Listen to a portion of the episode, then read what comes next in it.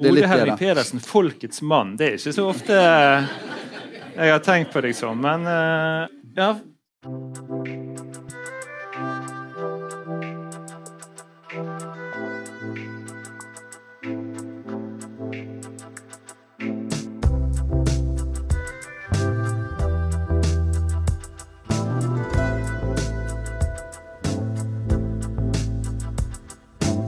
Dersom man leser Amtmannens døtre eller Stormfulle høyder og tenker at dette var gammelt og kjedelig og tamme saker, så er man dårligere stilt.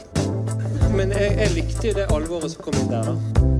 Nesbø har jeg aldri lest, riktignok, men um, Lene Andersson ble jeg nylig lurt til å lese.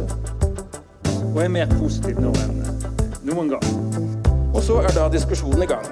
Alltid ufullkommen, alltid mangelfull, men alltid verdt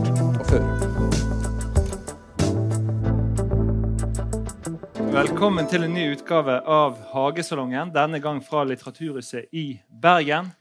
Vi holder jo eh, til vanlig til i Amalies hage på Bergen offentlige bibliotek, men eksperimenterer eh, med å flytte litt eh, rundt på oss. da. eh.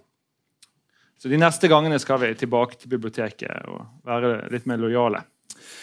Når jeg sier vi, så refererer jeg selvsagt til meg sjøl. Erlend Lisberg heter jeg. Men også Hagesalongens andre programleder, en slags sidekick, kritiker og professor, Erik Bjerk Hagen. Har du gjort noe kjekt i sommerferien, Erik? Ja, det har jeg vel, men, øh, men lesing har vel vært viktigste i denne, i vår sammenheng. Så ja, ja. mm, les klassikere. Dickens. Holdt på med et Kielland-prosjekt, så da har jeg lest eh, hans favorittroman av Dickens. Eh, eh, vår, vår felles venn, heter den vel på norsk. Our Mutual Friend. Ingenting nytt og Og, jo, jo, også en uh, like interessant bok, nemlig 'Onkel Toms hytte', som jeg nok aldri har lest i sin fulle, fulle lengde. Eh, kanskje den mest interessante boken sånn resepsjonsmessig i amerikansk litteraturhistorie. Ja, hvorfor det? Fordi det er den viktigste politiske romanen eh, som, som preget 1850-tallet og, og forberedte. Hun var jo den lille Harriet Beecher Stowe hun var jo den lille kvinnen som startet den store krigen, ifølge Abraham Lincoln. Men etter, etter borgerkrigen så ville jo ikke noen snakke om slaveriet lenger. Verken i nord eller sør. Det ble en pinlig ikke-tema. Ikke. Derfor døde den boken helt bort. Bortsett fra at det var noen sånn underholdende teater- og barne, barneversjoner. Da. Men den ble lest utrolig mye i resten av verden. Europa. Norge. Utallige norske barne. Ja, er, det, er det noen grunn til du har lest disse Og bøkene, eller er det bare av interesse? Så, men, så, men så, men- bare for å avslutte, så, så, så har de fått en voldsom renessanse fra 1960-70-tallet igjen. Så nå er den jo inne i kanoen igjen, på en måte. Ja, nei, ja, det er i forbindelse med Kielland, da. At, jeg er opptatt av bøker som er sentimentale, og som har en sterk tendens. Hva, betyr, sånn hva litt- betyr tendens? Det betyr at, man, at, at bøkene har en politisk agenda. Tydelig politisk agenda. Moraliserende. Ja. Og, det skulle, og, mange mener jo at det skal, de, skal ikke bøker ha. Men, men, men på 1880-tallet i Norge, med Bjørnson og, og Kielland og Lie og Ibsen, og sånt, så hadde jo ting tendens. Ja, Politisk litteratur har vel blitt sett litt ned på i det Ja, siste. absolutt. Men det er kanskje en ny bølge på gang? Ja, helt sikkert. Skal ikke vi diskutere det i løpet av høsten? Jo, det, Neste- neste gang. jo, neste gang skal vi faktisk ha sånn radikal spesial på biblioteket. Der vi skal snakke Og, om og eh, sentimentalitet også er, er, er jo et skjellsord. Eh, Kanskje det viktigste skjellsordet Ja, men det er ikke sentimental spesial, det er radikal Jo, men, spesial. ja, men først, først radikal, og så sentimental. Det Så da blir det litteraturens radikale potensial som skal ja, Men som julenummer så kan vi ha en sentimentalitet. Og På kritikkens ju, julefortellinger er sentimentalitet. Ja, jeg vet ikke om vi skal ha noe julenummer. Jo, jo, jo.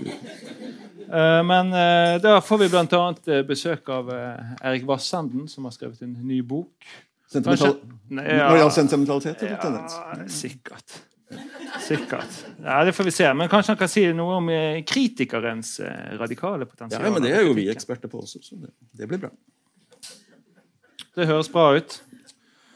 Uh, takk som spør. Jeg har også hatt en fin sommer.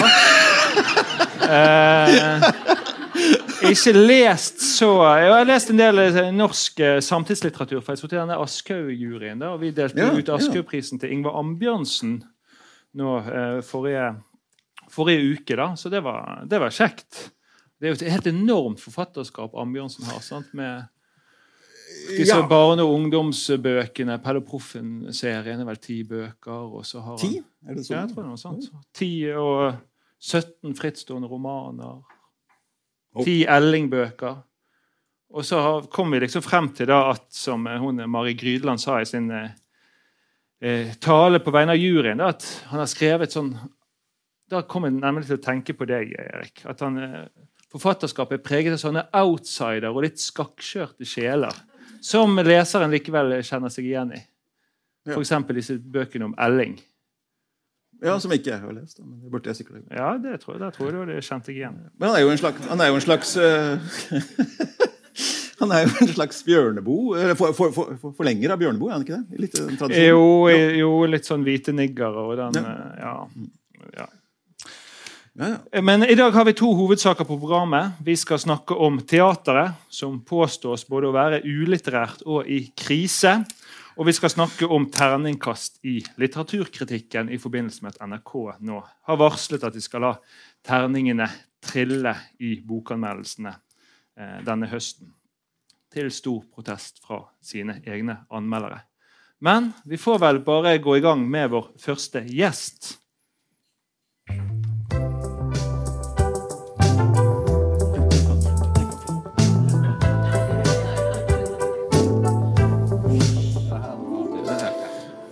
For det vekket reaksjoner da litteraturprofessor Frode Helmik Pedersen i litteraturavisen BLA, eller Blad, nylig hevdet gjennom to artikler at teateret har mistet kontakten med litteraturen, og at det muligens er grunnen til at det befinner seg i en krise.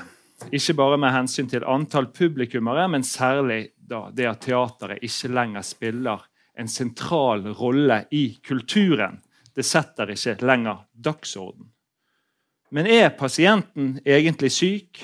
Stiller doktor Helmik Pedersen korrekt diagnose? Og foreskriver han riktig medisin? Velkommen til oss, Frode. Tusen takk. Veldig glad for å bli spurt. Det er ikke veldig mye entusiasme i eh, å spore, men eh, Jeg er jo her for å få kjeft, ikke det, da? Ja, det får vi se på. Kommer an på hva Erik sier, blant annet. Men du sier at jeg tenker vi må ta disse hovedpoengene litt punkt for punkt. Sant? At vi begynner med sykdommen. Teateret er i krise. Hva mener du med det? Ja, altså, jeg mener vel det at, eh, at Som du nettopp da refererte til, at jeg ikke opplever at folk går i teateret for på en måte å få eh, virkelig sånn rystende opplevelser. Eh, hvor de på en måte ser seg selv utspilt, og sine egne liv og dilemmaer og uh, tragedier utspilt på scenen lenger, slik de kanskje gjorde før.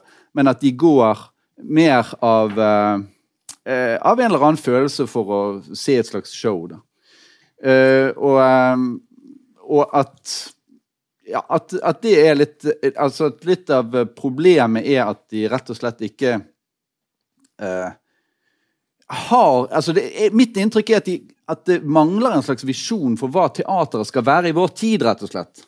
Det er mitt inntrykk. Jeg kan med en gang si til alle som, som har lyst til å si at jeg ikke vet hva jeg snakker om, eh, at det er på en måte å slå inn åpne dører her. Da. For jeg, jeg snakker ut fra en perso- eh, på vegne av folk som er kulturinteresserte, litteraturinteresserte, interessert i teater, men som går i ny og ne. Og som har gått i ny og ne i 25 år.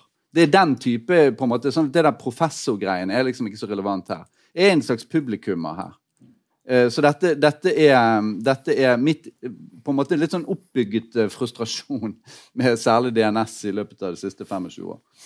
Ja, det, det Frode det, da. Pedersen, folkets mann. Det er ikke så ofte eh, jeg har tenkt på deg som. Men, men, men har du Ja, Jeg er representant for publikum. publikum. Ja, publikummets mann. Eh, men har teateret Når hadde teateret egentlig sist en sentral plass i kulturen? Har du reflektert noe over det? Ja, altså Jeg tror nok at det hadde det frem til, uh, frem til massemedienes revolusjon. da. Jeg tror kanskje det var mye det. Men så, så er det jo også et eller annet med dette eh, post, altså Massemedienes revolusjon, bare for å klargjøre. Det som, er- det som blir problemet selvfølgelig da, er at teateret får konkurrenter som det tidligere ikke hadde. Sant? Som gjør at, at det blir mindre sentralt. Og det gjelder selvfølgelig også litteraturen i ganske høy grad, men kanskje ikke i fullt så stor grad. Du snakker om 2000 ca.? Eh, massemedienes revolusjon begynte vel på 80-tallet. Ja. Ja, vil jeg tro. Okay. Eh, men, men at det blir gradvis mer, da. Men eh, ja eh, Ok, Og så årsakene til denne krisen. Det er jo det du skriver mest om. Og Jo, her- jo, men, men altså, krisen er jo også fordi at jeg, Før jeg skulle skrive dette, så sjekket jeg jo Kulturbarometer og prøvde å finne litt ut hvordan, hvordan står det egentlig til. Og det viser seg jo da, og det har jo Klassekampen nå også eh, tatt opp eh, nylig, at, at de, har, de har kjempestore problemer med å få folk til å gå på teater, rett og slett. Og alle de store institusjonsteaterne går med veldig store underskudd. Til tross for at, eh, at, de, at de nok har prøvd å være kommersielle også en stund. Eh, sånn at, eh, at det, det er et slags problem med at det ikke Jeg tror at folk ikke opplever det som så relevant lenger. Rett og slett som kunstform. Ja.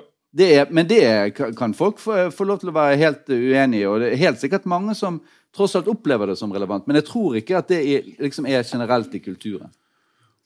og så er det årsaken til dette. Og da må vi kanskje, som du gjør i din siste artikkel, eh, skille mellom oppføring av klassikere og samtidsdramatikk. Ja, altså det, det er Én ting er jo at norsk dramatikk som litterær kunst, kunstform er i ferd med å dø, dø ut, etter mitt syn.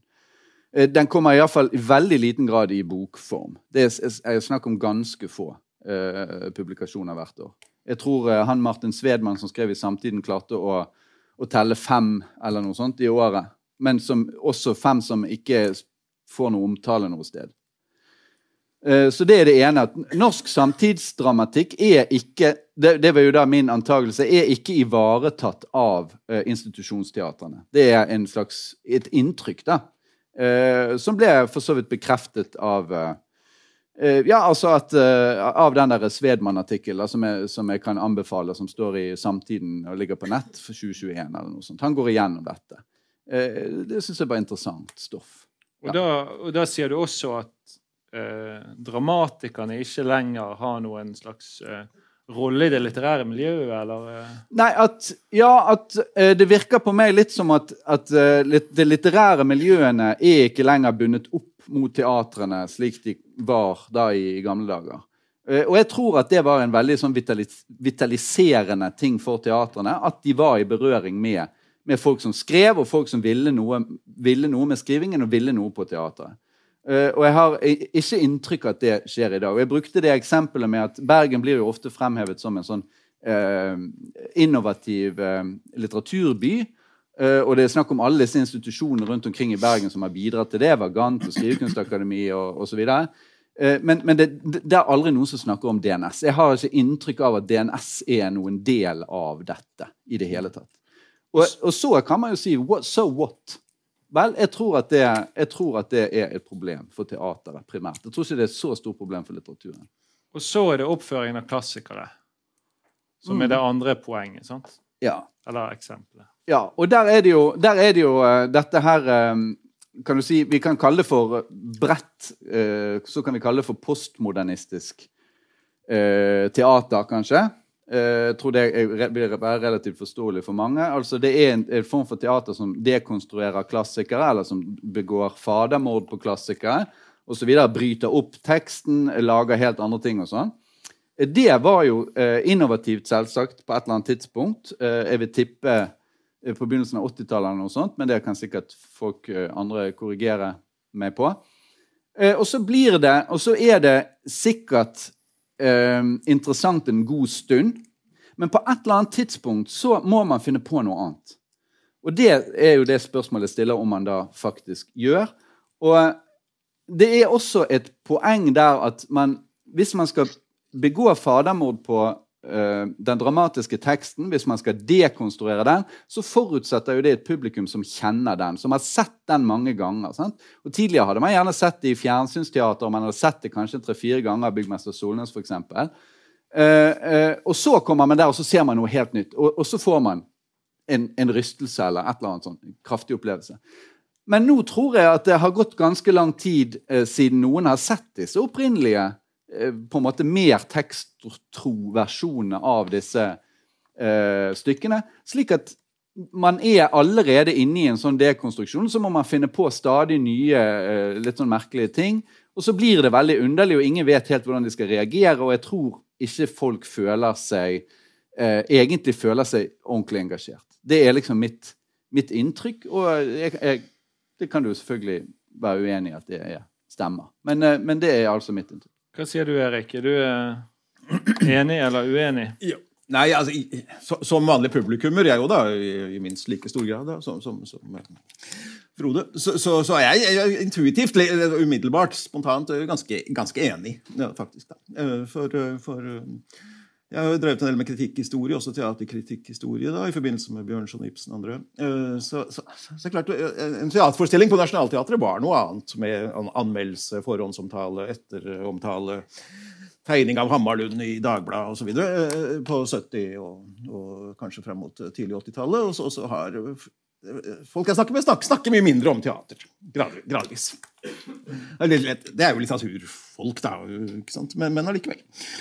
Eh, av en eller annen grunn så har, har teatret forsvunnet litt. Og jeg, når jeg tenker på Jeg leser jo Klassekamp og Morgenbladet og alt det der. Det er liksom sjelden jeg kommer borti noe teaterstoff der. Men det, det er kanskje bare, bare Ja, det er jo, kanskje det, det, er jo der, da. Så det, Det er det, sikkert, sikkert men, men det er liksom ikke den samme tydelighet, tydeligheten. Da. Så jeg er enig i den diagnosen der på ett vis, da, ikke sant? Men, men, men, men, men, men det andre er jo viktig, kanskje, er at jeg også som skuffet publikummer jeg, og, ikke sant? Jeg har jo sett Stein Winge siden tidlig 80-tallet med Hamlet, blant annet. Bjørn Sundquist subbet naken rundt uh, og spilte Dylans All Along the Watchtower midt i, midt, sammen med Horatio i, midt i Hamlet og sånn.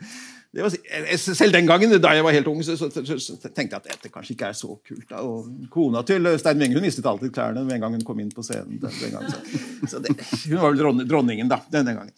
Det er mye sånn, ikke sant, og moderniseringer av eh, Ibsen. Jeg så eh, Hedda Gabler i Trondheim. Der det er studen kule studenter. Ikke sant, alle, alle personene i Hedda Gabler. Men det er jo ikke tvil om at da, da er jo Hedda Gabler den kuleste av dem alle. ikke sant? Og og- skateboard over ja, ja, den type ting. Det fungerte morsomt og fint. Men, men da får man jo veldig problemer med slutten, da hun allikevel skal være så jævlig bundet og, og, sånn. ikke sant? Og, er et offer, på et vis. da. Det, det, henger ikke, ikke sammen. Og det samme, bare for å avslutte et kort eksempel til. eh, Et ukehjem i Stavanger, ganske fin opp, oppsetning for fem, seks, syv år siden. Eh, hvor, hvor, hvor Helmer og Nora var sånn stressa ektepar med, med småbarn, og, som du kjenner deg igjen i. Og de løp rundt med sånne, sånne avtalebøker og iPader og osv. Og det også fungerte kjempegodt. Inntil plutselig slutten så, så skal de tilbake til 1879 og Noras uh, frigjøringsklagesang. da? Og det hang jo ikke på greip i det hele tatt. Det hun skulle gjort, var jo å kaste Helmer ut der og da. Ville- Jeg vil ikke se deg mer midt på natta. ikke sant? Det hadde vært logisk ut fra den situasjonen som ble bygget opp. da. Ikke sant? Men det, det tør de på en måte ikke. Så da, da blir det, da blir det, da blir det en slags spagat. Og det, det er mitt, mitt uh, problem også med Ju- Romeo juli og alt det der. nå, nå da, ikke sant? Det er kaos, og det er kult, og mye av det er kult. Jeg likte at de kjørte elsparkesykler utenfor teatret stort sett. og sånn. Men, men ikke sant? det var ikke noe gripende forestilling. Det var det ikke. Nei, vi skal, vi skal ikke snakke så mye om Romeo og Julie i dag, tenkte jeg. Men eh, til medisinen, da, Frode. Hva bør teater eller teatermiljøet, teaterfolket, institusjonene gjøre? Ja, altså, jeg mener jo at eh, altså Bare for å ha sagt det med en gang, for det er mange som har, har vært litt sånn behov for å misforstå meg. Jeg mener jo selvfølgelig at, te, at teateret og det litterære er så å si sidestilt. Altså Det er en hybridform som består av de to tingene. sant? Men jeg bare mener at det litterære har forsvunnet helt ut. Og det vil jeg ha på en måte tilbake igjen til en slags sånn 50-50, da, kan man si.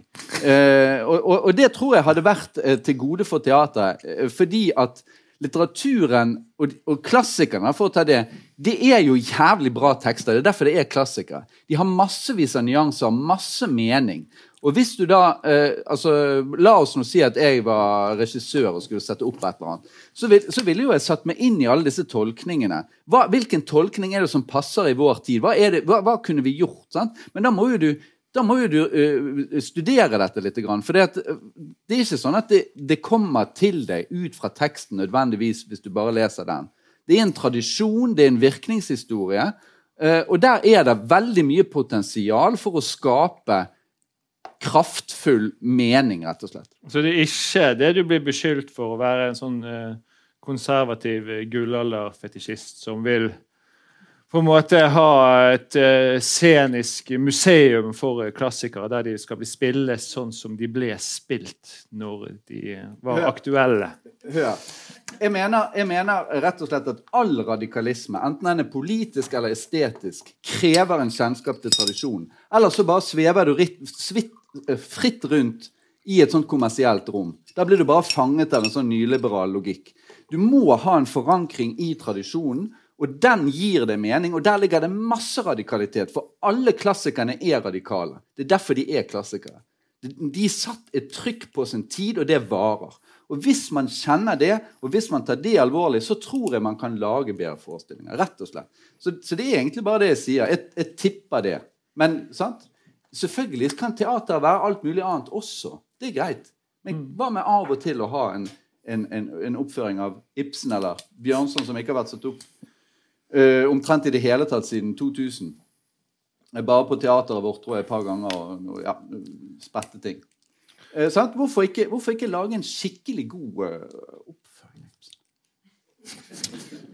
Ja. jeg aner litt sånn enighet her blant litteraturprofessorene og representantene for folk og publikum. Men det er vel på tide at vi kanskje får opp en som ser enda mer teater enn eh, oss, eller dere. Eh, og som er litt mer inni miljøet.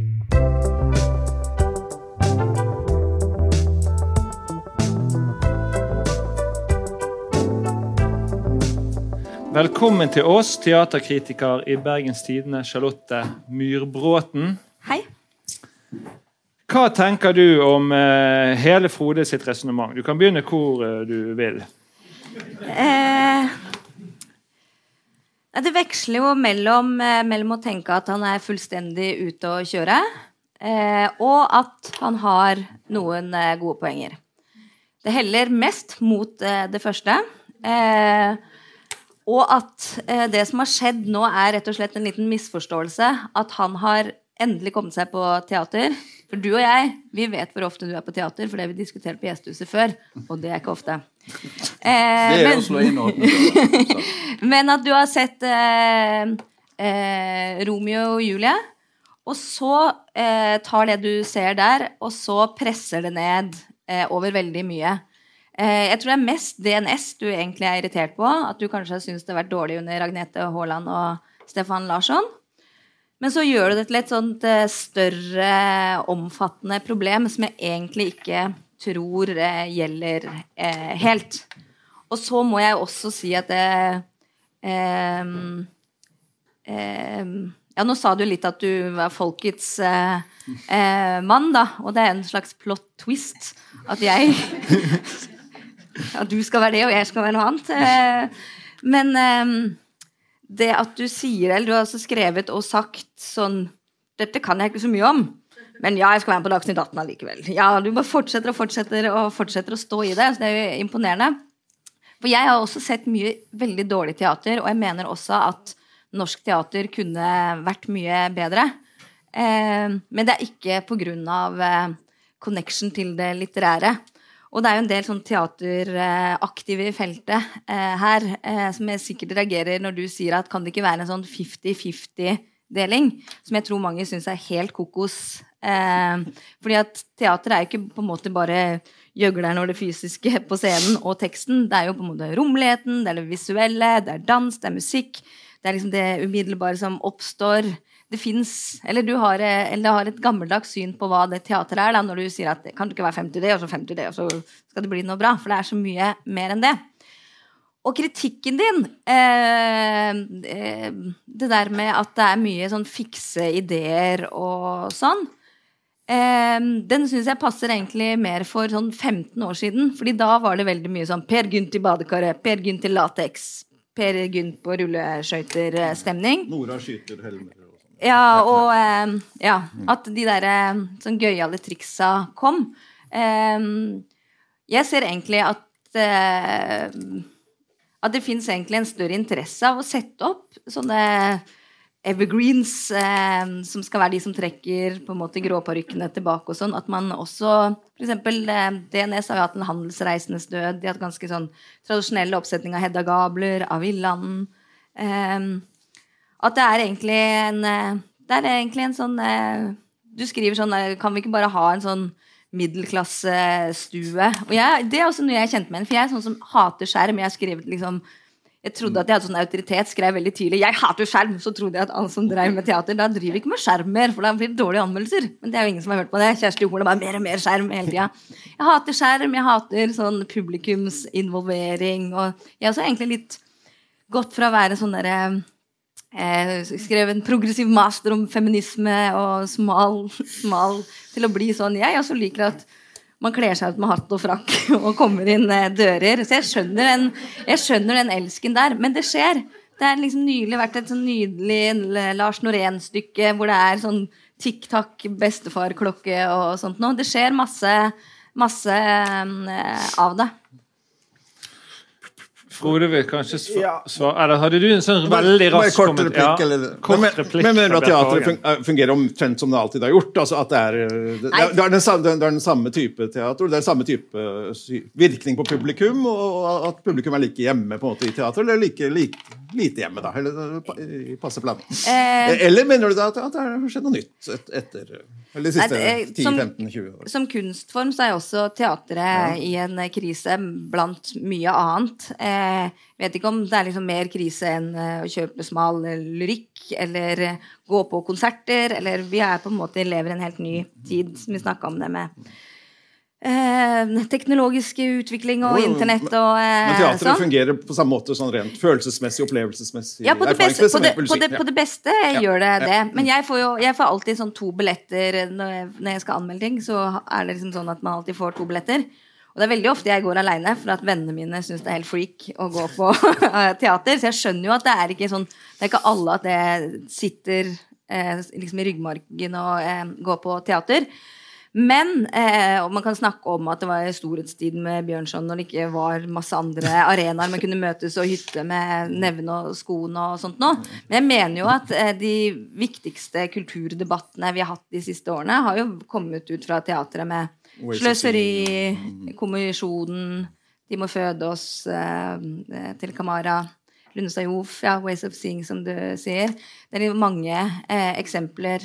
Em, ja, du var litt sånn eh, Hva heter det? sånn Slepphendt i omtalen av Døden på Oslo S, som du ikke hadde sett. Men også den har jo lagd en debatt, ikke om Ingvar Ambjørnsen nødvendigvis, men om byutvikling i Oslo. Og det også har trukket masse ungdom. Eh, så eh, det er ikke, det er ikke krise, krisetider. Det kan bli mye, mye, mye bedre. Men som også sier at teater er jo en, er jo en veldig snodig eh, kunstform. Det må jeg si. Eh, og det går ofte en stund mellom ting som er bra, men når det klaffer, så er det, helt, det er så sjukt bra når man har klart å få alle disse ulike elementene til å bli et sånt eh, gigantkunstverk, og det blir ståpels og sånn. Men da må man ha tålmodighet og vente litt. Jeg skal avslutte. Men ja, jeg tror din kritikk kanskje burde heller gått mer konkret mot DNS, da, er og ikke hele feltet. Frode? Ja, altså, Bare for å klargjøre litt, grann, så, så, vil jeg jo så vil jeg motsette meg litt det der eh, som du legger eh, i munnen på meg, med at jeg vil liksom ha tradisjonelle oppføringer. Jeg vil ha fornying, og jeg vil gjerne ha det som jeg har kalt påfunn. Jeg vil, nei, jeg vil ikke ha påfunn, men jeg vil ha grep som fungerer. Sant? Eh, og da er jo poenget altså Hva er et påfunn? Et påfunn er noe som Et, et grep som eh, ikke står, som, som jeg kan vurdere det, i noen eh, rimelig eh, relasjon til, til stykket i det hele tatt. Altså, det til, altså Stykket har en sky av mening. sant? Der kan du gripe fatt i noen ting, og så kan du ta det et steg videre på en eller annen slags, i en eller annen slags retning. Men når, når, når, du, når du oppfatter det som at eh, påfunnet er helt løsrevet fra teksten og ikke gir noe mer mening til teksten, ofte bare egentlig jobber litt imot, som Erik var inne på Det skaper problemer for stykket fordi at stykket har, hviler på noen forutsetninger som står i et motsetningsforhold til disse her forskjellige typer påfunnene. Karl Ove Knausgårds far som en stein midt på scenen. Ok, Var, var, var han en slags stein som var taus, og som, og, som, og som Karl Ove liksom bare kunne snakke til? Han var jo ikke det. sant? Og, og hva skulle det være for noe, så plutselig begynner steinen å snakke? Altså sånne ting. Altså, eh, eh, altså Eller det der med at, eh, med at, eh, at, at de skal gjøre På, på den Ham- Hamlet som er nå Og jeg forutsetter nå at det går an å snakke om påfunn uten å ha sett forestillingen. Hele teatervitenskapen hviler jo på at man kan snakke om oppsetninger man ikke har, har sett selv. Ellers så blir det ikke noe vitenskap eh, av det. Eh, Sånn at eh, det, det forutsetter det. Men, men Man må eh, jo vite at det er et påfunn. Jeg synes jo Den diskusjonen er jo sånn som trenger eksempler og empiri. Jeg er Ja, også selvsagt enig i sånn, Jeg er ikke sånn, jeg har veldig lyst på gøyale påfunn som ikke har noe å si. Ja, ja, ja. Å- Jo, jo, jo, Men du må det, det, det, Ja, et du, du, du mangler å du mangler å ha noe å vise til. Hvis du ser på hva DNS har satt, satt opp da de siste Ja, fire åra. sånn, det kan ikke være en sånn stu, papirstudie. Nei, men kan, hvor, du må si hvilke Men jeg jeg vil vite hva liksom fik, Jeg også ja, syns eksempel, fikse jeg har jo kommet med masse eksempler. Har du moteksempler, kan vi jo også spørre dem. Hva, hva er det som Ja. virkelig fungerte? Eh, nei, jeg syns jo En handelsreisendes død var eh, veldig bra. Et sånt veldig et, et, tradisjonelt stykke som på en måte ja, ut, Kjemisk fritt for fikse ideer. Men hun har jo så mange fikse ideer selv, Ja. med, drømmer og minner og alt eh, Ja. som blander seg inn i nåtiden. Men så dere f.eks. Eh, arv og miljø, som er jo litt fikse ideer. Eh, Men det var jo bygget på en roman, og det Ja. syns jeg, jeg er en uting. Ja, det er generelt en uting. Ja. må bare vite Ja. hva er poenget? Den er jo, Ja. den er jo Ja, men du kan ikke, du kan ikke forandre argumentasjonen på det viset der, Erik. Bare liksom, ja, men Men, jeg også men det er jo, han har, det er jo en, ja, det er jo en, ja, men det er jo en tendens det å Ja, sette opp bra. populære eh, romaner eh, når man egentlig heller skulle jobba frem nye sceniske eh, tekster og sånn. Men det er jo kommersiell krise. Pengene skal inn, og eh, gråparykkene som har gått på alle forestillinger alle år. Det er ekte. De dør nå. De, de fins ikke lenger, er- og de må rekruttere nye folk. Ja, men der er, jo, der er det et sånt eh, litt interessant poeng med det der kommersielle. Fordi at jeg har en følelse av at av og til så bruker man uh, forfatternavnet og uh, tittelen på stykket som en slags eh, kommersiell greie. Som det, det er Faust på Nationaltheatret. Det er liksom ny, fantastisk greie. sant?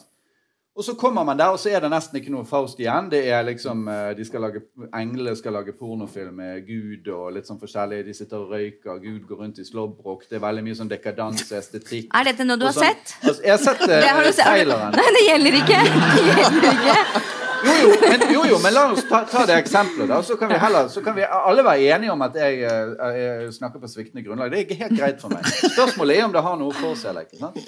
Og, og da, og, men, poenget, men, men poenget mitt er da at da kunne man si, for Jon Fosse sa noe til den uh, to that effect i Klassekampen Det er misbruk av et forfatternavn, sier når de har Shakespeare, og så er det tre-fire replikker igjen, og så er det egentlig bare noe annet. Og så kunne man jo si det, men hvorfor lager ikke de bare noe annet og kaller det heller eh, dekadanse med Gud eller et eller annet? Karneval med Gud. Eh, Nei, for da kommer ikke folk. Sånn at det er Faust som trekker folk, og så kommer man inn. Og så skal man oppleve noe helt annet enn Faust. Eh, og det er etter mitt syn et slags problem. Jeg syns ikke den trenden der er så veldig sterk. Jeg er ikke bekymra for at man, eh, man lokker på feil, eh, feil grunnlag. men er det, er jeg, har se, jeg har ikke sett noe, Kan jeg spørre om- er det av den tendensen der. Handler det om at man er ute etter litt forskjellige ting når man går i teater? At, at noen er ute etter på en måte følelse og innlevelse og den type ting, og at de påfunnene eller de grepene bryter eh, med det, da? Ja, det er jo et eller annet med at det- er- ligger i postmoderne estetikk helt generelt en, en, eh, en driv mot å ødelegge illusjonen. Eh, Det, det gjelder all postmoderne. Altså Illusjonsbrudd, metakommentarer osv. Anakronismer. Tydelig eh, det at du viser at dette er, dette er bare en konstruksjon. Sant? Det er klassisk postmoderne estetikk. Og det er klart at det ødelegger jo Det passer ikke sammen med følelsen av å leve seg inn i noe. Eh, og så kan man jo si det at ja, ja, men de skal ikke leve seg inn, og, og, og så videre. Men, men jeg tror at for da, for å ta den Romeo og Julie-eksempelet, så er jo det nettopp det at, eh, at Romeo-karakteren der spiller jo hele stykket, sånn som jeg kan se det inderlig.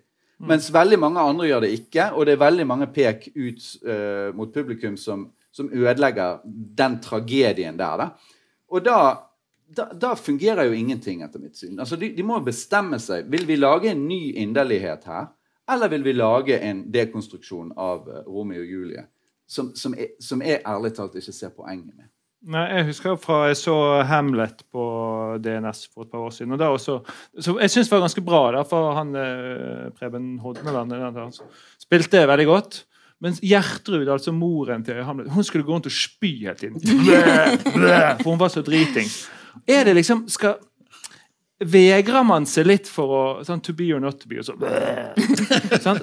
Er det Vegrer teater seg litt for liksom alvoret og, og Jeg syns ikke det, altså. Nei, nei. Eh, og eh, akkurat eh, du Hva vil man i teater? Man vil jo ulike ting på ulike scener til ulike tidspunkt. Og da fins det på en måte sånn eh, Man kan gå på Teatergarasje, man kan gå på Carte Blanche, man kan gå og se musikaler som er satt opp åpenbart bare for å få inn eh, gryn. Og så forhåpentligvis er det plass til eh, rare ting. Og, men jeg også, sånn som du har nevnt eh, eh, noe det er skrevet, at det, det er jo ønskelig at det skal være en sånn eh, eh, et samarbeid mellom ja, Skrivekunstakademiet, eller at skal, teatret skal være tett på å ha dramatikere som jobber fram nye tekster og sånt. Og sånne ting kan jo selvsagt bli bedre. Men for eksempel sånn der med din jobb da på nordisk, eller når du har kritisk kvartett og sånn, hvor opptatt er dere av dramatikk? Nei, det, det, er jo, Eh. det, er jo, det er jo nesten ikke noe dramatikk som, som kommer i bokform, og som, og som er interessant. Sant? Og det er jo fordi at hele, hele det feltet, altså hele det litterære feltet har så å si gradvis falt bort fra teatrene og bort fra dramatikken. Og det er veldig veldig få forfattere som er interessert i å skrive dramatikk. Og da kan man jo spørre er det teatrene sin feil. Jeg, jeg har jo Eh, det, det finnes jo eksempler på forfattere som har møtt ekstremt lite interesse fra f.eks. DNS. Eh, hvor man knapt eh, har inntrykk av at de i det hele tatt har lest det som dramatikeren har eh, gitt til dem. Eh, og, og, eh, men så kan det jo hende at, eh, det kan jo hende at forfatterne forfatteren også kunne ha gjort noe. Det vet jeg ikke. Men jeg vil jo bare at de to skal komme sammen igjen. Ja. Og det er veldig, Jeg skjønner ikke hvorfor det er så provoserende.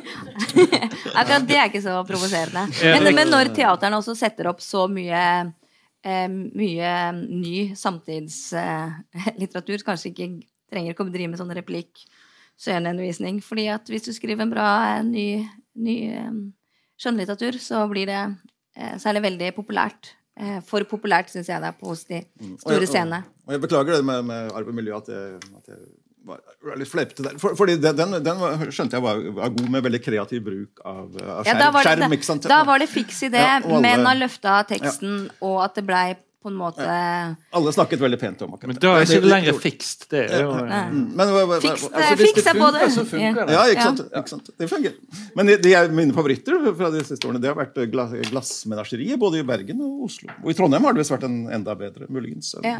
versjon. Det, men den er jo så naken, og den kan du ikke tulle med. på en måte. Den må være skjør og, og, og neddempet, og det, det syns jeg har vært eh, Altså- åpenbart eh, gripende for, for publikum. Altså. Ja. Jeg tror vi skal få opp våre to neste gjester, eh, som også skal få lov til å være med på teaterdebatten.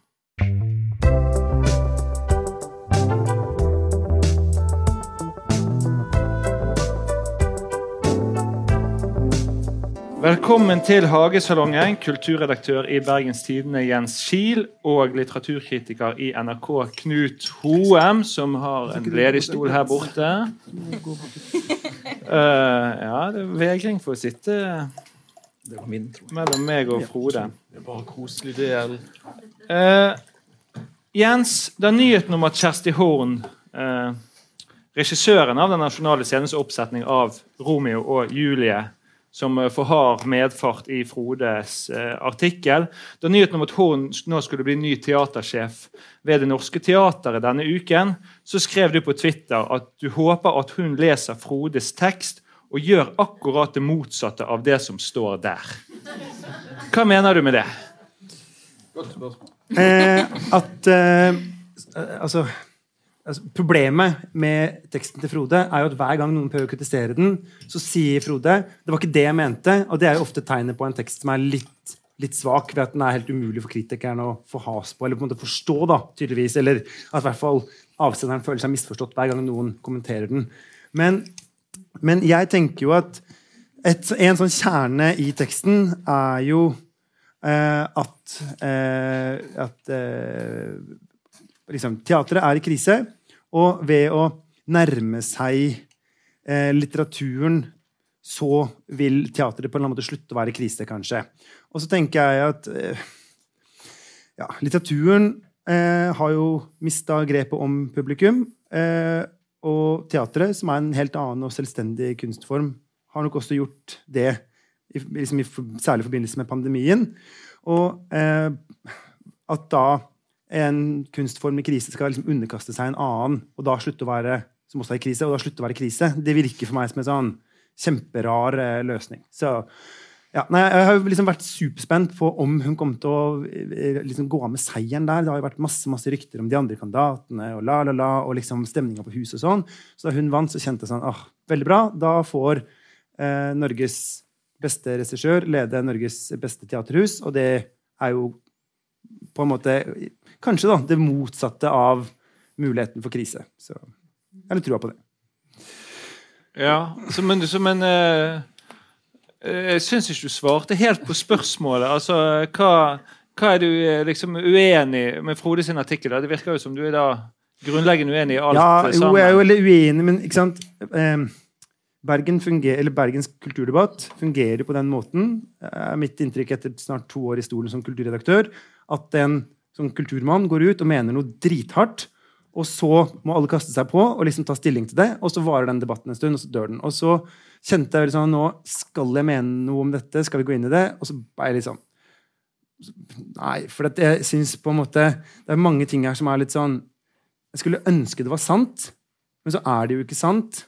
Og da blir det liksom vanskelig å, å gå videre. ikke sant, sånn 16-24-åringene er de som er mest opptatt av kunst, musikk, diktning og film. Sånn, ja, det skulle jeg virkelig ønske at var sant. Det hadde vært kult hvis det var sant, men det er jo ikke sant. Eller at liksom eh, eh, På en måte sånn Hvis vi bare hadde altså 1830-tallet så sto liksom teateret så sentralt. Og så sto det jo på en måte ikke noe sentralt, for det var jo kjempefå som gikk i teater. ikke sant? Så, eh, og ikke minst at den tar utgangspunkt i en eh, oppsetning som var veldig litteraturnær. Altså den, den, den er jo rett og slett liksom Hele oppsetningen er jo Romeo er jo på en måte replikk etter replikk etter replikk fra manuset som blir sagt eh, i rekkefølge sånn rimelig greit, og så eh, følger man handlingen. og selvfølgelig så er det jo gjort grep, for det er ingen som går på teater og tenker åh, nå skal jeg se Romeo og Julie, for jeg lurer så jævlig mye på åssen det går til slutt. Ikke sant? Det må gjøres noe nytt med stykket, men, men at selve stykket er jo veldig, altså Oppsetningen er jo en ganske sånn teksttro eh, variant. Og så kan man like, like, like skjerm. Eh, Charlotte liker det ikke. Jeg elsker deg, så da er vi liksom enige. jeg digga Raskolnikov på, på, skjerm. Ja.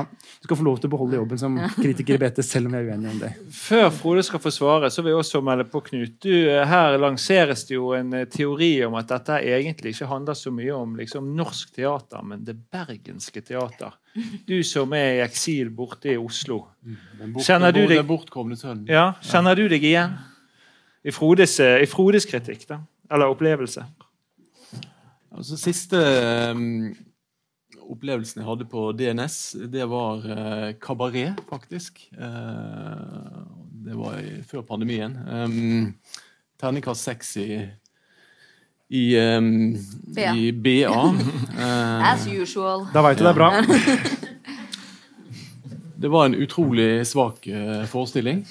Um, men det var ikke svakt av de grunnene som Helmich Pedersen er inne på. Jeg hadde ikke noe problem tenker jeg, at Horatio går rundt i grilldress. og Det er ikke noe problem at uh, Knausgårds pappa er en stein heller, uh, i utgangspunktet. Det, hva, hva, er det du vil? Vil du at uh, Knausgård han skal komme ravende full dritings inn på scenen? altså Det blir jo 70-tallsk fjernsynsteater. Jeg, jeg, så den på oppsetningen, min kampoppsetning på Stockholm Stadsteater. Det var strålende. Helt strålende.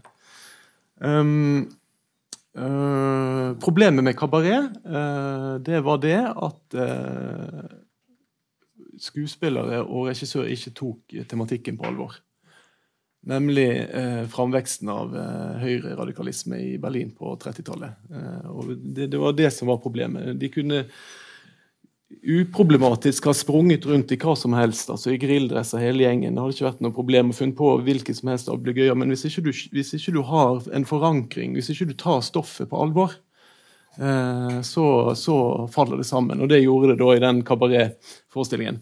Og så tenkte Jeg eh, jeg synes egentlig det er mer interessant å diskutere dette her enn uh, terningkastet, uh, merker jeg. Men uh, ja, Nå skal ikke vi være kritiske mot programmet her, men Men, men, men, men jeg har bare lyst til å se, fortelle også litt om hvordan de har løst det i Berlin. Eller sånn, hvordan de løste det i Berlin. for liksom å Um, uh, for der, der, delte de jo da byen rett og slett i to. Og så lagde de da altså uh, sånn teater som Frode hater på, i Øst-Berlin, altså på Volksbühne.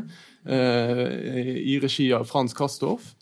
Eh, og så lagde de da Fre Frode Helmich Pedersen-teater i, i Vest-Berlin for å få en slags balanse på Schaubune. Altså, det var jo Thomas Ostermeier som sto for det, og alle Jon Fosses oppsetninger går jo da på har jo gått på Schaubune. Så der har de liksom, liksom, klart å finne en slags balanse mellom kan du si, tekstteateret og, og regiteateret.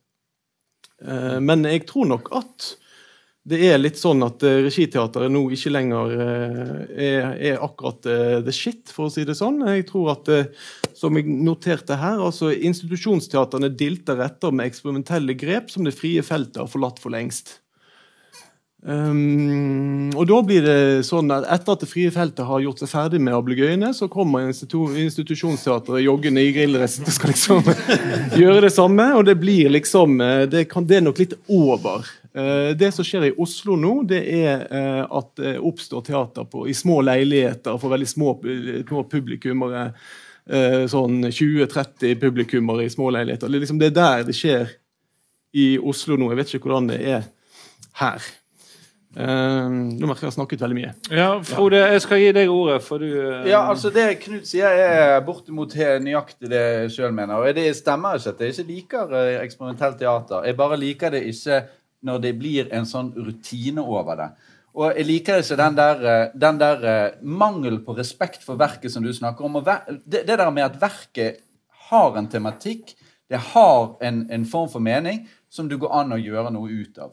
Og du kan også ødelegge det hvis du vil, men da må du vite hva du ødelegger. Du må, vite, du må fremvise hva er problemet med dette verket. F.eks.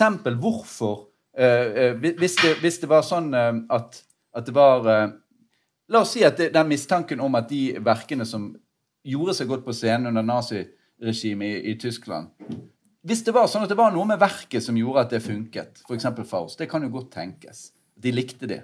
Gustav Grundkens osv. som Mefisto eh, ja, så må man jo vise Da må, jo, da må man lage en forestilling som viser hva er det ved dette stykket som er problematisk. Iboende problematisk. Så må publikum på en eller annen slags måte få, få sett det. da, Og ikke bare liksom kødde med det. Og, og, og, og sette inn grep som, som, gjør at du får alle slags sånne følgeproblemer. Som, som, ikke, som, gjør at hele forestillingen ikke går opp i det hele tatt. Jeg vil gjerne se eksperimentelt teater, men jeg bare vil at det skal funke. Ja, og det jeg synes jo på en måte fordi det kan jo være at spørsmålet Hvis spørsmålet er liksom eh, ja, hva, hva, er det vi trenger teatret til, eller hva skal teater være, eller noe sånt noe, så eh, det er jo i og for seg et interessant spørsmål. Jeg tenker jo at sant, teatret eh, må ta sjanser og gå på trynet. Og det eh, er jo litt sånn Jeg leser jo eh, haugevis av dårlige bøker i løpet av et år, og det er jo ikke sånn at å, fordi de dårlige bøkene blir gitt ut, så må vi slutte å ha bøker, ikke sant? Eller sånn. Eh, men, men, vi må jo eh, eh, Men, men vi, det jeg syns er interessant nå, er jo at teatret i hvert fall én tendens i teatret som jeg ser veldig veldig tydelig har sett, altså F.eks. denne våren i Bergen. da, Det er jo et teater som setter veldig dagsorden ved at den tar stemmer som vi har hørt lite fra før, og setter dem på scenen. ikke sant? Eh, både Kamara Lundstad Joff og Somaya Jidali, to framstående forfattere som har valgt å bli dramatikere. Det skulle man jo ikke tro at fantes hvis man leser eh, Frode her. Eh, eh, er jo typiske stemmer som representerer noe vi har mangla. Vi har hatt eh, under Festspillene forestillinger om transfamilier, samisk liv og hele det at den type at antirasisme osv. får en annen stilling, som i det klassiske institusjonsteatret nok har vært litt fraværende altfor lenge, det er jo sånn da, da er jo teatret på en måte interessant. Og ikke minst fordi at eh, de som da er på scenen, eller, eller de rollene på en måte som vi ser på scenen, er noe annet ofte enn eh, de livene som mange av de i salen eh, har levd. Og det gjør jo at folk kan gå hjem og ha noe å diskutere, eller tenke at jøss, dette var en innsikt som jeg kan prøve å plukke opp. Og, det, eh, og vi har jo masse av de tingene som altså Når f.eks. Eh, Frode etterlyser vanlige på en måte familiestuer ikke sant, på scenen, så har vi hatt Heim 1, 2, 3, 4, 5, 6, 7, 8 og 9 de siste åra på Vestnorsk Teatret, som er bare det. Helt vanlig vestnorsk liv, skrevet fram av eh, forfattere. Og så tror ikke jeg at eh, verken jeg eller du, Charlotte, mener at det er de aller mest vellykka tingene som har vært skrevet eller laga på en scene her vestpå. Eh, Nei, men liksom, men det, svært dårlig. Ja, men, ikke sant? men at eh, hvis man vil se eh, vanlig vestnorsk liv blir levd, så kan man f.eks. se det. Eller hvis man vil se vestnorsk historie, viktig historie, så kan man se Telavåg, som jeg syns var ganske, et ganske interessant stykke. Eller 17 somrar. ikke sant? Begge Amdam-stykker. Så de, de tingene fins jo, hvis man ønsker seg å gå og se på Vi det. nærmer oss en avrunding her. Debatten Charlotte har uh, hatt lyst til å si noe lenge. Eh, ja, mista det litt livsgnisten. Men jeg tror det, jeg er enig med deg eh, med det du sier med påfunn, men man må skjønne forankring og vite stykkets tradisjon. Men det stemmer ikke på det som skjer, i hvert fall her i Bergen akkurat nå. Eh, hvis man ser eh, masse teater og prøver å eh, se røde tråder. Men jeg skulle si, eh, jeg gleder meg veldig til Nå skal jo Tore Magnlid sette opp eh, 1984 spørsmålstegn eh, på DNS, som er jo basert på Orwell, men det kommer til å bli da kan vi, da, gjengen, som er enige, men er likevel venner, eh, gå og se. For da kommer det garantert til å være et stykke som eh, Jeg syns du mistenkeliggjør litt sånne regissører om at nei, dere, dere har ikke sett hvordan det ble mottatt i sin samtid, dere veit ikke alle gangene venner Jeg tror jo f.eks. at eh, Tore Magnlid har lest seg opp og ned i mente eh, om 1984 og sånt nå, og så kommer vi til å se et stykke som ikke kommer til å være 50-50, sånn som du har lyst eh, til. Men da kommer vi til å se både noe som respekterer, fremhever, setter i kontekst, men at det er et virkemiddelhierarki totalt nedbrutt herfra til eh, helvete. Skal jeg bare avslutte, som er nesten en smooth overgang til kritikk-ternekastbiten. Du sa, eh, Erik, tidligere at, eh, at det ikke er så mye teaterkritikk. At når det er Morgenbladet Klassekampen mm, Det er ikke så mye. Det er jeg veldig uenig i, fordi jeg er både musikkritiker og teaterkritiker. Og når man anmeldte konserter eh, før og plater, det har jo sunket som en stein. Men det er overraskende mye interesse og lett å få eh, teater eh, BT dekker eh, Ja, det har dessverre slutta med Teatergarasjen, som jeg syns er veldig synd. Som gjør Bergen til en mye mindre by, når vi plutselig skal bare la de seile sin egen sjø. Vi har Men, ikke slutta med noen ting. jo, men det, er, veldig, det er veldig, vi- lite Teatergarasjen. Vi, Ja. Ja, vi kan ikke ha sånn intern Nei, nei, ja, diskusjon nei, nei. nå. nei men, det, men jeg skal si at teater, teaterkritikk At det er eh, både Morgenbladet, Klassekampen anmelder faen meg dritmye. De er all over eh, Stavanger. eh, de er garantert i fjaler. Så teaterkritikken er overraskende mm, til stede, til tross for at det er litt eh, freaky form. Noe av mitt poeng var også at, at, at det var eh, s- Kritikken tidligere sto litt, litt mer i en tradisjon, hvor man hadde Ja. en samtale bakover til tidligere oppsetninger. og tidligere. Skulle du ikke ha et innlegg fra salen? For? Jo, altså det var jo det jeg skulle si nå. Sant? Når eh, folk mister livsgnisten og sånn underveis, da hadde jo uh, Lønning, Lønning og Staff sitt eh, gamle debattprogram hadde jo da at de kunne hadde plantet en mikrofon på Hans Bauge, som kunne være, komme med rabiate innlegg. Uten sammenligning for øvrig, så har vi eh, en kommentar fra salen, en, eh, en, en, veldig annerledes enn Hans Bauge. Jan Landro. Kanskje det er helt motsatt av Hans Bauge, faktisk. Ja, det motsatte. Hallo? Den er på. Er på? Ok. Jeg syns det er veldig morsomt å registrere jeg har nær sagt nok en gang, at hvis en profilert professor går ut og mener sterkt om noe han ikke har greie på, da får det betydelig oppmerksomhet. Men som vi vet, sjøl blind høne kan finne korn. Og Det er litt Hans Bauge. og, og Du har funnet mange korn, eh, Frode, for all del. Og et av de kornene som jeg deler med deg 100% det er Regiteatrets uh, djevelskap. Vi har, jeg, har sett, jeg har sett så mye teater. Altså Bare de årene jeg satt i, i, i Hedda-juryen, så jeg 120 forestillinger hvert år over hele landet. Og jeg har nå anmeldt teater i 45 år. Men jeg er takknemlig for at vi ser stadig mindre eh, regiteater, og føler at vi er inn på en, en bedre kurs. Men en del av det vi har sett, altså f.eks. dette her kretsmesterskapet i oppkast i, Hamlet og lignende, helt komplett meningsløst. Og det aller, aller verste eksempelet jeg har sett, det var en ung dramatiker som fikk oppført sitt aller første arbeid på det som den gangen het Sogn og Fjordane Teater. De hadde hyret inn Teatersjefen var en tidligere banksjef. Hadde ikke peiling på teater. De hadde hyret inn en ung regissør. Han, jeg hadde heldigvis lest teksten før jeg reiste opp til Førde. Han hadde snudd opp ned på absolutt alt, for han hadde et veldig behov for å markere seg. Forestillingen ble en katastrofe. To måneder seinere tok forfatteren livet av seg. Jeg skal ikke si at det er en direkte sammenheng, men jeg har mine mistanker. Men det var nå det. Nå ble det veldig mørkt her. Dette, dette med livsgnist, vet du. Men, men uh, en helt annen sak. Altså, Ikke mist litterær Jeg vet ikke helt hva vi skal mene med litterær, men et faktum er det i alle fall at uh, de siste årene så har norske teatre satt opp mellom 40 og 50 romaner.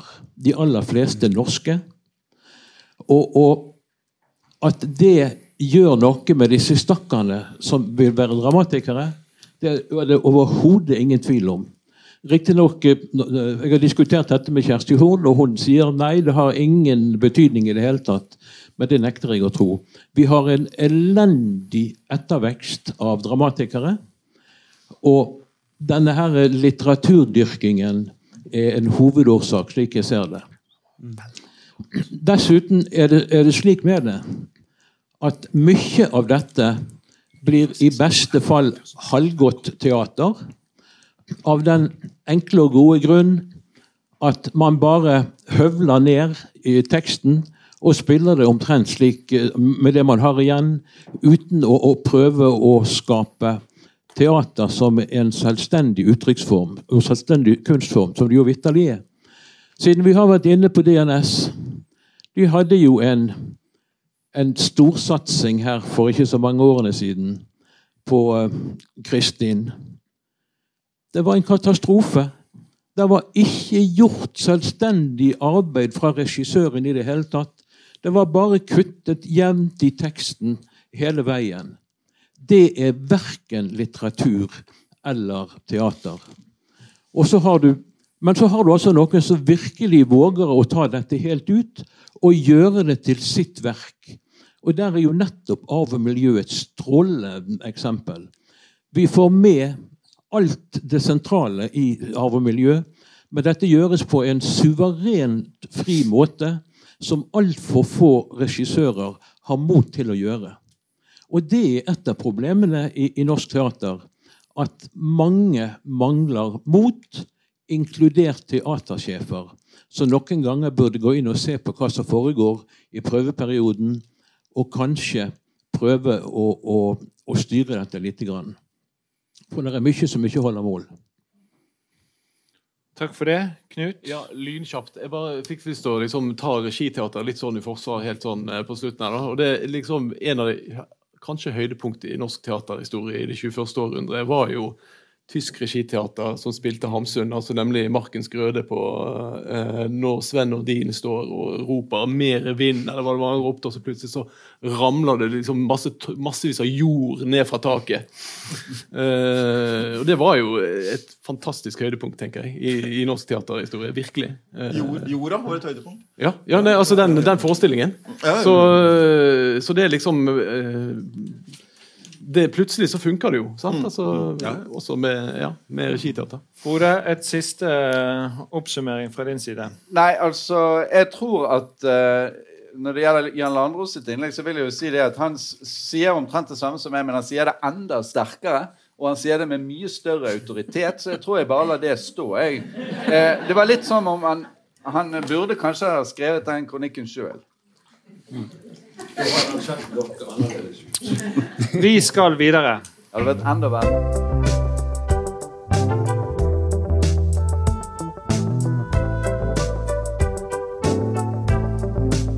For i juni kom nyheten om at NRK har besluttet å innføre terningkast på alle anmeldelser som publiseres på nrk.no. Tidligere har teater, kunst og litteratur vært skånet for vurderingsskalaen, men nå skal også kunst- og bokanmelderne begynner å trille terning. Og det var ikke dere litteraturanmeldere spesielt fornøyd med, Knut? Nei. Var det, var, det, var det et spørsmål, eller? Ja, jeg tenkte at du kanskje Ja. ville utbrodere litt, da. Uh, ja. Nei, altså eh, Det er jo litt sånn kinkig å snakke om dette her, eh, men tusen takk for at eh, du inviterer, Ellen. Men eh, det er jo litt kinkig i og med at eh, jeg da jobber jo i, denne institusjonen fortsatt, på, selv om jeg da er uenig i den avgjørelsen. Men det sitatet som går igjen, det er jo så jævlig gammeldags og fantasiløst. Og det er jo ditt sitat som går igjen i alle artiklene. Ja. Noe kan du si.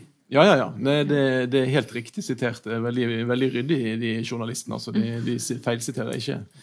Eh, men eh, sånn, sånn for ordens skyld da, så må jeg jo nesten eh, først bare dra veldig kjapt eh, NRKs begrunnelse for å gjøre dette. og Det er to ting, eh, så vidt jeg har skjønt. Det ene er det at de mener at NRK mener at terningen vil lokke flere lesere inn i teksten. altså Når, man, når det da eh, står en terning som et slags sånt eh, skilt eh, eh, over teksten, så vil da flere få lyst til å lese teksten. Og Det andre det handler om fronten nrk.no, som er blitt eh, vår nye portal, kan du si. Og at på, For å klare å, å synes tydelig på denne her fronten, så er denne terningen viktig. Det er NRKs begrunnelse. Um, jeg, jeg og alle de andre litteraturkritikerne i NRK er jo veldig uenig i dette her. Eh, det er jo eh, nok en omdreining av det vi kan kalle evaluerings- og ratingssamfunnet. altså eh, skal vi også rate denne kvelden etterpå? Altså Hvor mange hjerter skal vi egentlig gi Hagesalongen i, i kveld? Um, men, men samtidig så er det klart at jeg tenker jo at vi er jo i en veldig rar mediesituasjon. og det er Kanskje ikke det er tiden for å være så veldig sånn skråsikker og bastant. Og jeg ble faktisk inspirert til å være litt mer sånn eh, undrende og nysgjerrig i forhold til hele problematikken da jeg begynte å smuglese i eh, Eirik Vassenden sin bok eh, 'Kritikerens spøkelse'. Jeg skal ikke si så mye om, for han skal jo lansere den med brask og bram neste uke. Eh, men han er jo tungt inne i dette her med altså, evaluering og rating som en sånn her voldsom, sånn omseggripende måte, og liksom en slags tenkning som er overalt i, i samfunnet. Men eh, den diskusjonen har jo vært uh, Det er jo ikke helt nytt, dette her.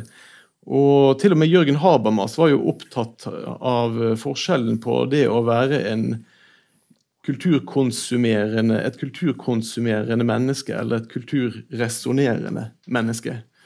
Og jeg tenker jo at uh, denne terningen er liksom det Habermas ville kalle en kulturkonsumerende. Det konsumet som liksom skal, skal, skal jeg jafse i med dette eller ikke? Eh, mens eh, det som jeg kanskje håper for kritikkens del i større grad er det, det som Habermas kalte den kulturresonnerende kritikken. altså Der vi da forsøker å få til en eller annen samtale rundt hva er det, hva er det denne teksten forsøker å fortelle? Hva er det denne forfatteren ønsker å, å si? Uh, mer i den retningen. Og eh, jeg kan umu... For, for egen del så, så foretrekker jeg språk framfor prikker og, og hjerter. og Jeg får helt fullstendig avtenning når jeg ser hjertene i BT. Det må jeg bare si. Altså. Det var, nå spil, spilte jeg bare ballen videre. Ja, Vi skal komme tilbake til det, men jeg skal bare spørre Erik. så Han eh, er jo vant til å snakke mye i denne podkasten, men han kom så lite til orde.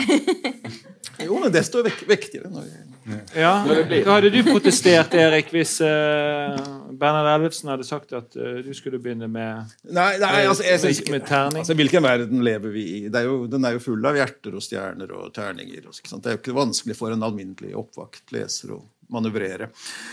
Uh, I denne kommersielle jungelen da, som, som vi tross alt er omgitt av. Og jeg leser jo ikke Dagbladsanmeldelser med, med, med mindre resonnerende blikk enn uh, Morgenbladets eller Klassekampens. Og det, det er jo stjerner og hjerter og sånn på musikk og, og alt mulig annet. Musikk har det alltid vært. Og, og, film. Film, ikke sant? Det begynte med Arne Skouen i 1952. Han innførte jo terningen i, i, i Norge. I, uh, i filmanmeldelsene. Han angret jo stygt etterpå, da. Men, men, men det, det, det, Nei, det skal de gjøre. Altså, det er jo ikke altså, NRK har jo, har jo også terningkast på film. ikke sant? Så, så om de også får det på litteratur er er noe? terningkast fire på alle filmer. Ja, ikke sant? Det er jo et slags snobberi, bare. Det er jo, altså, jeg, vil høre, jeg, vil, jeg vil høre din stemme på samme, på samme, samme ører. Enten du har lagt til en, en, en terningkast eller, eller, eller ikke. Ja, Så tenker, tenker jeg, da. Så det er ikke noe katastrofe. Nei, nei, nei, nei, nei. Jeg var redd for Men- du skulle lese noe. Jeg, så du hadde med deg denne boken. Ja, ja, det var det skauen. Ja. Rekker jeg, det? I hans erindringer, 80 år gammel. Eh, Egentlig ikke, men Nei, det hvis det er veldig kort, så Mitt skjebnesvangre bidrag til forsøplingen av norsk presse. Det var altså i 1952, da terningene kom. Min eneste unnskyldning er at da jeg tok dem i bruk i 1952, var ikke norsk presse den rankinglista den er blitt i dag. Nå har alt blitt et kappløp der alt skal rangeres i stupid konkurranse. Allerede, allerede da jeg satte terningmålet på filmanmeldelser, var påfunnet noe tøv. og Tenk deg da hvor hyggelig jeg hadde det da gryta begynte å koke inntil den nå har kokt fullstendig over. Jeg sitter og venter skjelvende på at det blir terningmål på diktsamlinger. Ingen får meg med på et slag yatzy. Du skjønner hvorfor.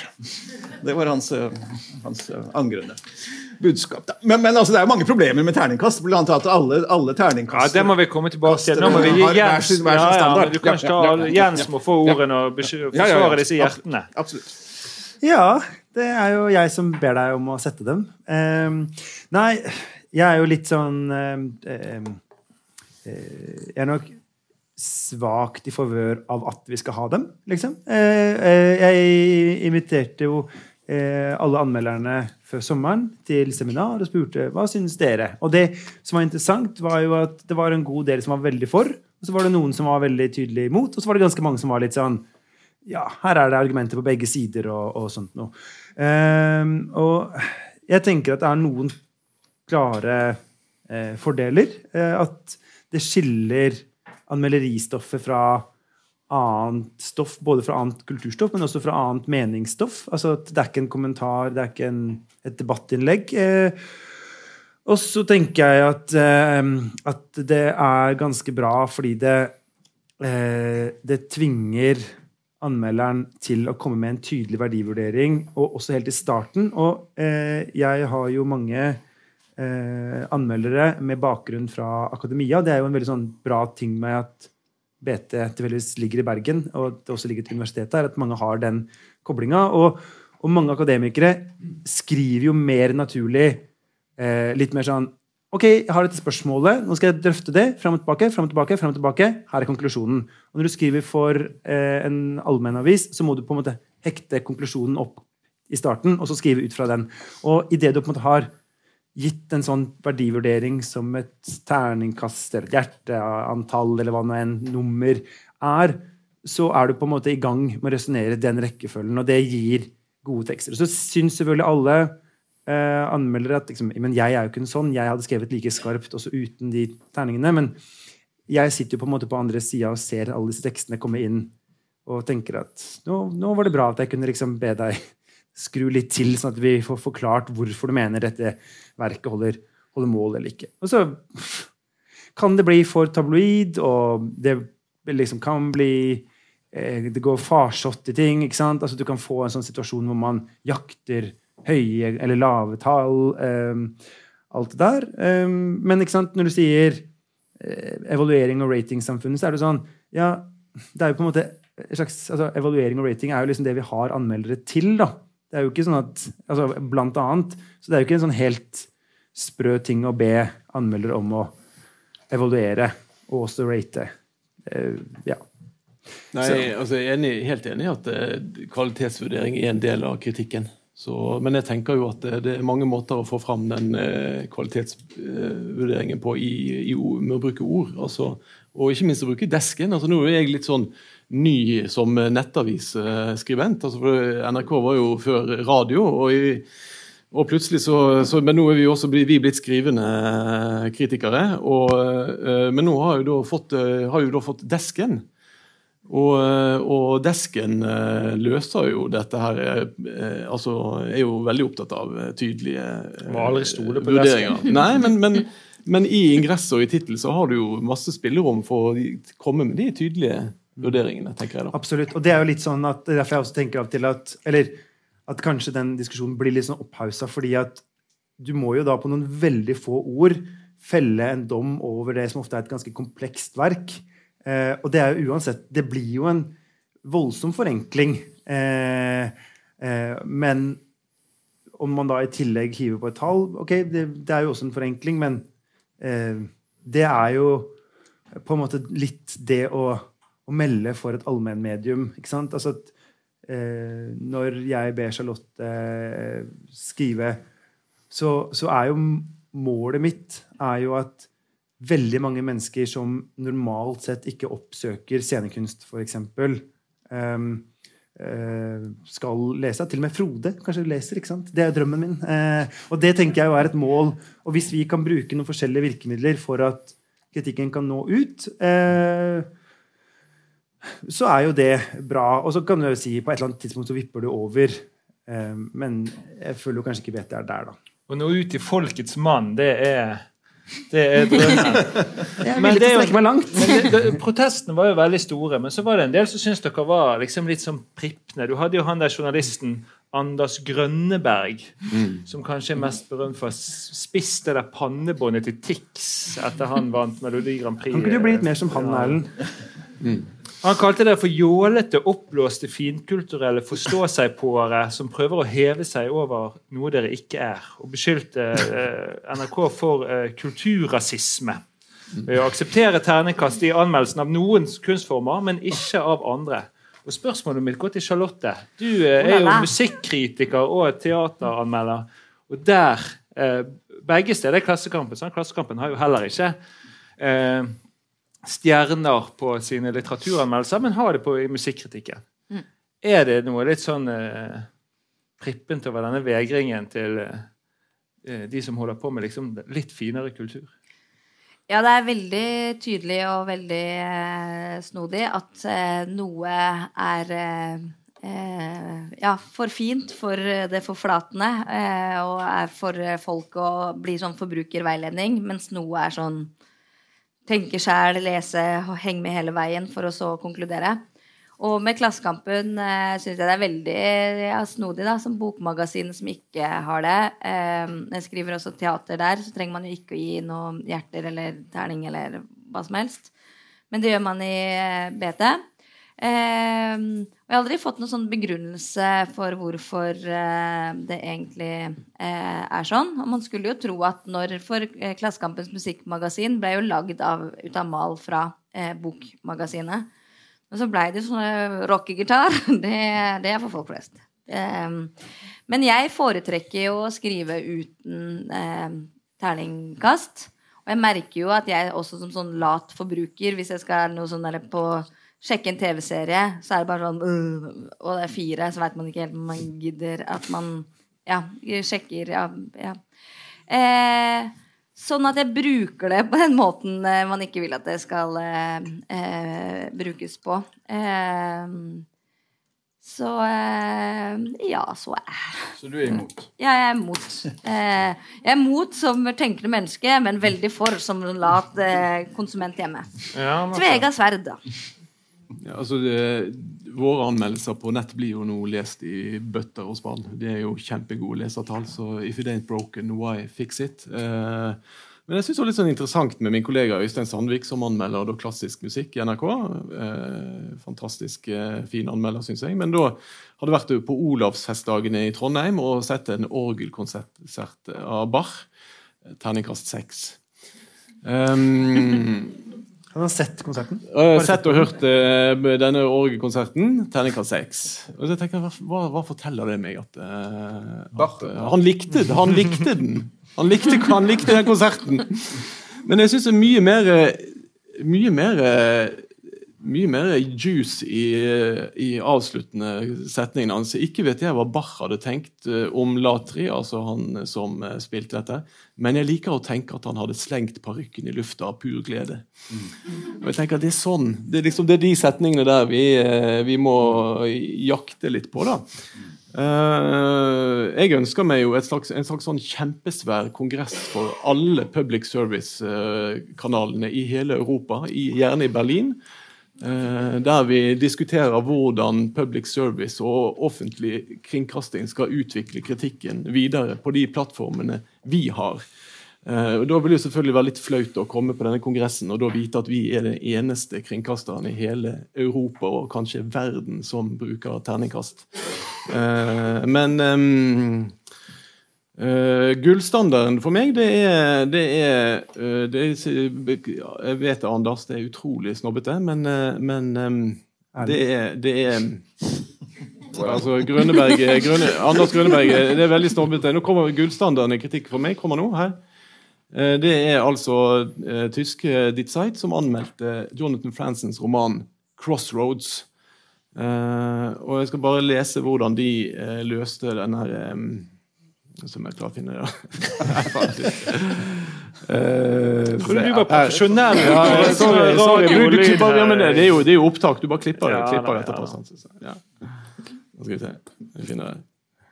Uh, ja. Crossroads, da hippiene mistet uh, Gud. Med den storslåtte 800 siders romanen 'Crossroads' begynner forfatteren Jonathan Franzen å oversette direkte fra tysk her. Skal vi ta det på tysk, eller? Ja. Nei. Midt en grandio... Nei.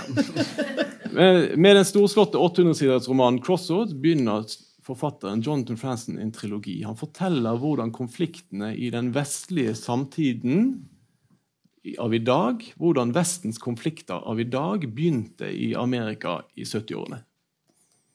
Det er catchy, syns jeg. Det er catchy. Men det kunne jo vært stjerner for det. Ja, men hvorfor Men? Ja, eh, jeg vil bare si kort at jeg er jo enig i mye av det som Jens sier. altså at uh, Det som har vært et problem med akademikerkritikere tidligere, har jo vært at de har skydd journalistikken. sant? Men en kritiker er også en journalist, på en måte, og må tenke litt journalistisk, og må ha en hook, og må ha en vinkling, og må engasjere med en gang helst, og må ha, være tydelig. Men jeg, det, er, det har jo Morgenbladet eksempel fått ganske bra til. vil jeg si, i, Hvis du sammenligner Morgenbladet i dag med sånn som Morgenbladet var for eh, 15 år siden, så vil du se at det har blitt gjort ganske mye i den retning. Og jeg tror at det funker ganske bra. Eh, Sånn at jeg mener at veldig mye av det Jens vil, det kan du gjøre helt fint uten disse hjertene eller terningkastene. Og jeg tror det er et eller annet problem med det der eh, at du låser, som, som eh, Charlotte er inne på, du låser hele greia. Det er liksom, det spiller ikke noen rolle hva som står der, for det er en treer. Og en treer, who cares hva som står der egentlig? sant? Jeg tenker i hvert fall litt sånn. Hvis jeg ser denne treeren, så vet jeg ikke om jeg gidder å lese anmeldelsen. For det, det er uansett ikke noe som er interessant. Så det låser det veldig. Og vi er jo vant til det fra universitetet. sant? Du gir karakteren C veldig ofte. Og det er ikke så gøy å få en C. Det er greit nok, og all, veldig mange får en C, og du er nede i en stor bås. Eh, Det er et eller annet med at du mister den individualiteten i vurderingen. da. Det blir en sånn standardgreie. Og så, som Erik nesten fikk sagt i sted, standarden er jo veldig ulik for hva er egentlig en firer? Er det ganske bra? Eller er det egentlig, ganske, er det egentlig bortimot bortkastet tid? Ja, for det gir jo noen sånne rare utslag, dette her med ja, I BT bare så jeg sånn uh, Abdul Rozak Gurnas 'Afterlife' fikk terningkast eh, Nei, jeg fikk tre hjerter, og så står det en norsk samtidsroman liksom, som får fire hjerter ved siden av. Det er jo kategoriforskjell. Ja, det er kategoriforskjell. Men eh, Charlotte? Eh, ja, helt på tampen skal jeg si jeg er nesten mer sånn eh, eh, det jeg er litt bekymra for, er sånn eh, Du sa sånn 'aldri stol på desken'.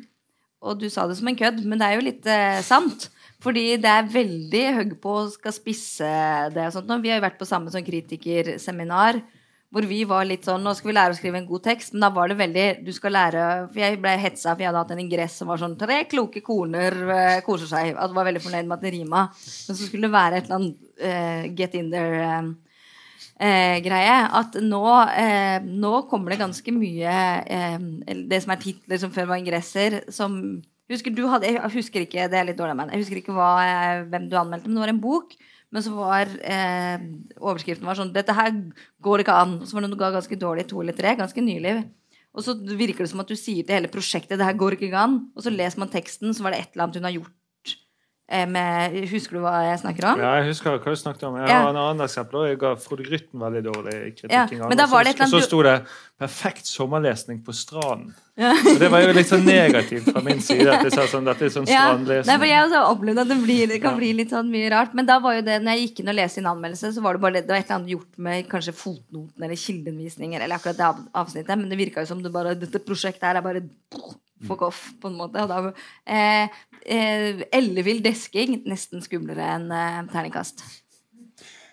Ja, og det er jeg jo enig i. Og det er jo liksom eh, Det er jo helt uavhengig av terningkastene, men et åpenbart problem som jeg jo prøver å ta litt ansvar for, og som jeg jo av og til fortjener Eller liksom avisa jeg jobber i, fortjener kjeft for.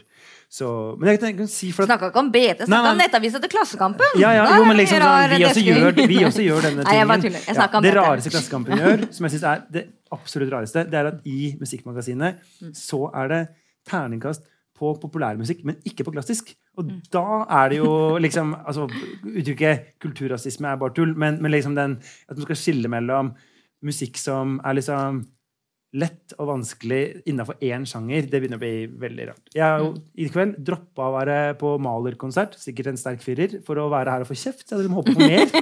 Du kan, gå, i- du kan gå i morgen. Men, altså, jeg, men det jeg egentlig lurte på, da Fordi jeg hadde jo tenkt at du skulle si noe om åssen du har det med disse terningkastene. det må bli en annen gang. Jeg jeg skal nå gi Erik siste ordet for eh, Ja, nei, ja, Det er ikke så mye mer å si, egentlig. Du, du, nevnte, jo, du nevnte det jo sist. Altså, Mista livsgnisten, han òg. Jeg anmeldte jo uh, Cormac McCarthys siste bok, 'The Passenger'. Ikke sant? Og Jeg vil ikke si at det var hans aller beste, men den var interessant og ambisiøs og grandios på mange måter. Ikke sant? Så jeg vil det. I forhold til hans andre bøker, i forhold til hans standard og standarden generelt da, på den type ambisiøse internasjonale romaner, en fire på terning. Antagelig ville det vært riktig. Men så måtte jeg jo da, i og med at det finnes noe som heter norsk litteratur, ikke sant? ny norsk litteratur, som er en helt annen skala, selvfølgelig. Det beste der vil jo aldri da, ut fra det, komme høyere enn tre. ikke sant? I, forhold til den samme standard. Den beste norske romanen hver høst vil få tre. Da. Hvis, du har, hvis du har det utgangspunktet.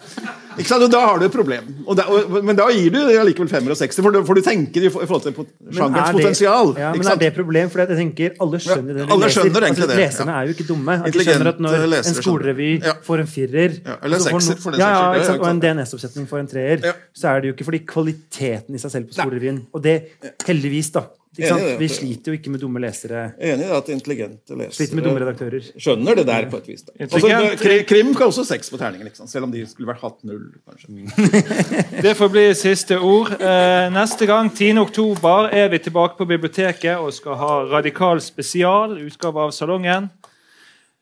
Takk til Frode Helmik Pedersen, Charlotte Mybråten, Jens Kiel og Knut Hoem. Takk til deg, eh, Erik, og takk til Jan i publikum, og takk til alle dere andre i publikum som kom og hørte på. Takk for oss.